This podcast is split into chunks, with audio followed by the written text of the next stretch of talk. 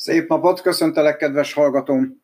Ma arról szeretnék beszélni, hogy eh, akkor is jöhetnek viharok az ember életébe, amikor ott van Isten közelében, látszólag minden rendben van, eh, ő az Úr Jézust követi, és azt tapasztalja meg, hogy eh, probléma probléma hátán jelentkezik gyakorlatilag meginog a léc a munkahelyen, lehet, hogy ki fogják rugni, lehet, hogy családi problémák fognak felmerülni, és esetleg vállásra kerül a sor, esetleg anyagi problémákkal küzdés, bármennyire is próbálja azokat menedzselni, egyszerűen nem oldódnak meg. Ott van az életünk hajójába Jézus, és mégis vannak viharok. Lehetséges ez? Egy történet van a Bibliában, egész hosszú történet, Jobbnak a története. Egy istenfélő ember volt, aki, akinek az életében pár nap leforgása alatt összedőlt minden.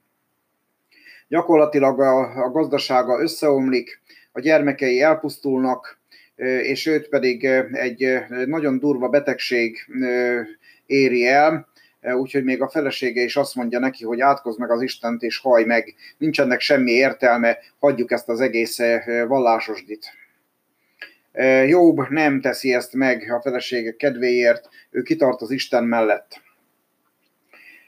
A, van egy, egy történet Jézussal kapcsolatban a Bibliában, ezt szeretném felolvasni. Történt egy napon, hogy Jézus tanítványaival együtt hajóra szállt, és így szólt hozzájuk menjünk át a túlsó partra. És elindultak. Miközben hajóztak, Jézus elaludt. Ekkor szélvihar csapott le a tóra, és a hajó kezdett vízzel megtelni, úgyhogy nagy veszélyben voltak. Oda mentek hozzá a tanítványok, felébresztették, és így szóltak. Mester, mester, elveszünk. Ő pedig felkelt, ráparancsolt a szére és a hullámokra, mire azok lecsillapodtak, és csendesség lett. Nagyon sokszor úgy, úgy érezzük, hogy nekünk kell megoldani a problémákat, és, és nagy erőfeszítéseket teszünk annak érdekébe, hogy rend legyen körülöttünk. Munkahelyen, családba, anyagi életbe, és lehetne sorolni, milyen területeken jöhet vihar, és mi úgy gondoljuk, hogy ha kellőképpen erőfeszítéseket teszünk, akkor ezek a viharok ezek elmúlnak. Nem mindig múlnak el a viharok. Szükség van arra, hogy felébresszük Jézust, szükség van arra, hogy megszólítsuk őt, és kérjük őt, hogy, hogy avatkozzon be ebbe az egész helyzetbe. Itt azt láttuk, hogy Jézus beavatkozott, ráparancsolt a viharra, a vihar pedig elmúlt, a probléma megoldódott és eh, eh, igazából nekünk is erre van szükségünk, hogy eh, odafigyeljünk Jézusra, megszólítsuk őt, kérjük őt, hogy legyen ott ezekben a problémákban, ezekben a viharokban, és csillapítsa le azokat.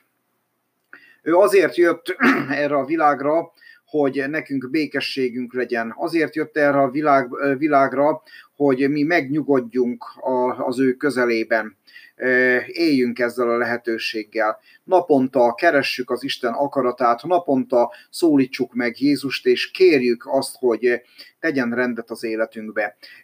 Ha vele találkozunk, akkor az életünk nem lesz olyan, mint korábban, életünk megváltozik, ehhez viszont kell, hogy keressük vele a kapcsolatot. Annak idején, amikor az ember bűnt követett el, első emberpára gondolok, akkor éppen a kapcsolat volt az, ami megtörött Isten és az ember között.